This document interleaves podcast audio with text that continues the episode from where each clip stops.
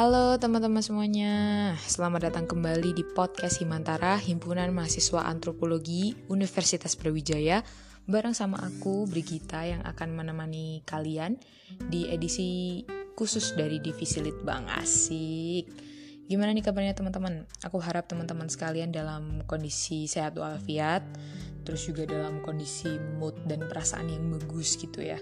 Tapi kalaupun teman-teman ngerasa bad mood atau males atau sesuatu yang negatif lainnya, aku harap dengan mendengar podcast Himantara membantu meningkatkan mood kalian semua di mana pun kalian berada dan apa pun alasan kalian bad mood. Amin. Ya, jadi teman-teman semuanya, episode kali ini tuh sebenarnya kita bertujuan untuk mengenalkan kalian semua dengan divisi litbangnya Himantara UB yang otomatis divisi ini tuh menaungi tulisan dan juga hasil penelitian dari warga antropologi khususnya antropologi Universitas Brawijaya. Jadi selama ini tuh ya banyak dari teman-teman semua atau orang-orang umum tuh pasti kalau denger litbang itu kayak litbang mah isinya nulis-nulis mulu ya gitu-gitu doang dah pokoknya nulis gitu Nyatanya tidak seperti itu teman-teman semuanya. Jadi di periode kali ini Divisi Litbang Himantara UB memutuskan untuk membuat kegiatan non-proker mereka yakni podcast yang fungsinya tuh biar Litbang ini berkembang tidak hanya menulis saja tetapi juga vokal bersuara atau aktif bersuara gitu ya mengenai topik kepenulisan atau kepenelitian yang menjadi fokus dari divisi Litbang itu sendiri. Nama podcast dari divisi Litbang ini apa sih Brigita kalau boleh tahu? Nah, nama podcast dari divisi Litbang ini adalah Bintang. Asik. Jadi kayak gemilau gemintang gitu ya. Bintang ini adalah kependekan atau singkatan dari bicara penelitian bareng Litbang anjay. Terus tagline-nya itu menyenangkan tapi bikin meriang gitu. Kenapa kok kayak gitu? Karena penelitian tuh emang sebenarnya menyenangkan guys. Cuma karena memang fokusnya itu serius gitu ya demi kemaslahatan bersama jadi ya tetap bikin meriang meskipun menyenangkan gitu so dengan aku Brigita dalam kesendirian ini akan menggiring semua para pendengar untuk mempelajari hal-hal terkait dengan kepenulisan dan juga kepenelitian tapi mungkin khususnya kepenelitian aja ya dalam ranah antropologi Yuk langsung kita mulai pembahasan mengenai penelitian itu guys. Kita mulai dari kata penelitian itu sendiri ya guys ya. Jadi kita nih sebagai masyarakat umum gitu pas dengar kata penelitian itu kayak pasti langsung ngiranya ah itu membuat ilmuwan aja atau mungkin kita orang biasa mah ngapain penelitiannya nggak gitu kali dan juga banyak ungkapan lainnya gitu kan. Padahal nih ya sebenarnya teman-teman, yang namanya penelitian itu nggak melulu loh kaitannya deket sama ilmuwan aja. Kita sebagai orang biasa juga tetap bisa kok melakukan penelitian meskipun peralatan dan juga hasil dari penelitian kita itu tidak sescientific penelitian yang dilakukan oleh para ilmuwan.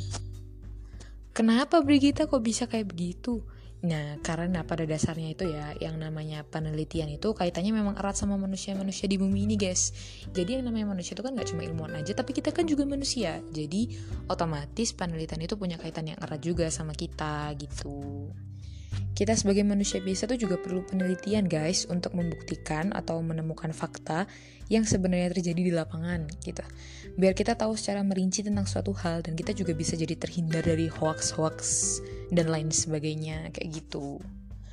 Menurut Bu Diatna dalam buku berjudul Metode Penelitian Sosial juga yang diterbitkan pada tahun 2006, tujuan penelitian adalah untuk menambah wawasan dan pemahaman mengenai suatu hal kepada banyak orang gitu. Nah, kalau dilansir dari laman KBBI Daring, Penelitian adalah kegiatan pengumpulan, pengolahan, analisis, dan penyajian data yang dilakukan secara sistematis dan objektif untuk memecahkan suatu persoalan atau menguji suatu hipotesis untuk mengembangkan prinsip-prinsip umum.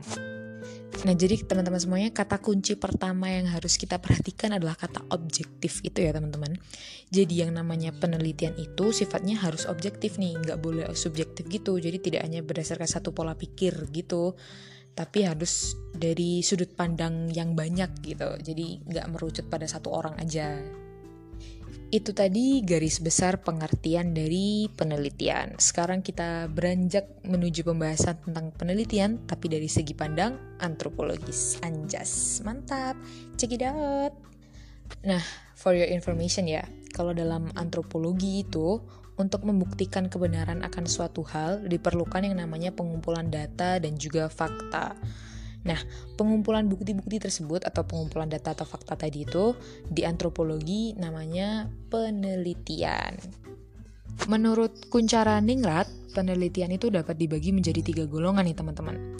Apa sajakah itu? Jadi yang pertama itu ada penelitian di lapangan, yang kedua penelitian di laboratorium, dan yang ketiga penelitian dalam perpustakaan. Umumnya sih ya, biasanya tuh biar hasil penelitian lebih kredibel, para antropolog ini dominan menggunakan penelitian lapangan atau istilah bekennya itu field work gitu anjas. Tapi kira-kira kenapa ya kok kayak begitu ya? Sebenarnya alasannya tuh biar lebih relate juga sih sama kenyataan yang ada di tengah masyarakat selama ini.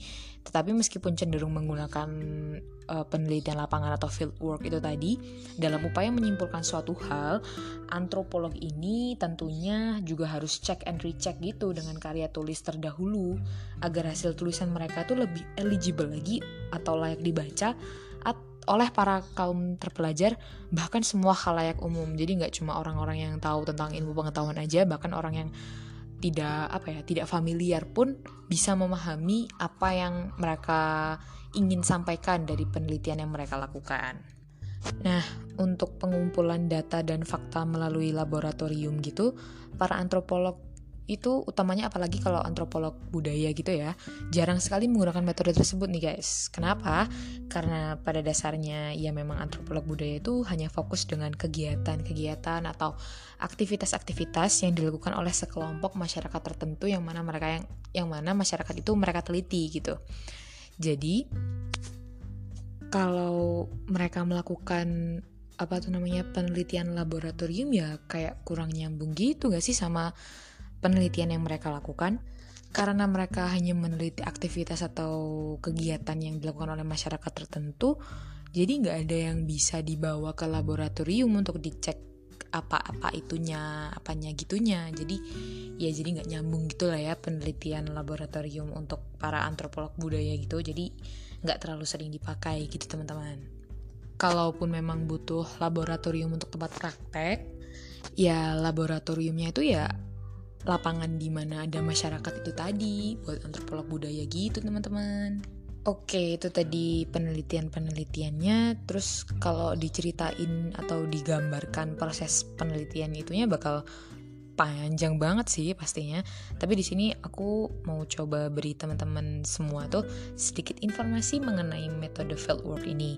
Kenapa kok sedikit aja nggak merinci gitu? Karena nanti untuk inti pembahasannya kalian bakal ketemu sama teman-temanku yang lain yang topiknya so pasti berfaedah tentang hal terkait penelitian juga. Jadi teman-teman semuanya, sebenarnya tuh sama aja sih kayak penelitian ilmu pengetahuan lainnya. Penelitian antropologi itu bisa dilakukan secara mandiri ataupun berkelompok. Terus peneliti, para peneliti itu masuk atau melebur menjadi satu dengan kelompok masyarakat yang ingin peneliti itu kaji, dalami, atau teliti masuknya peneliti ke dalam kelompok masyarakat itu bukan cuma join bentaran doang terus nontonin apa yang mereka lakukan gitu aja terus nggak selalu begitu ya guys ya sebenarnya. Kalau dalam penelitian yang sifatnya berkelompok gitu kemungkinan peran setiap peneliti dalam masyarakat itu pastinya dibagi sih.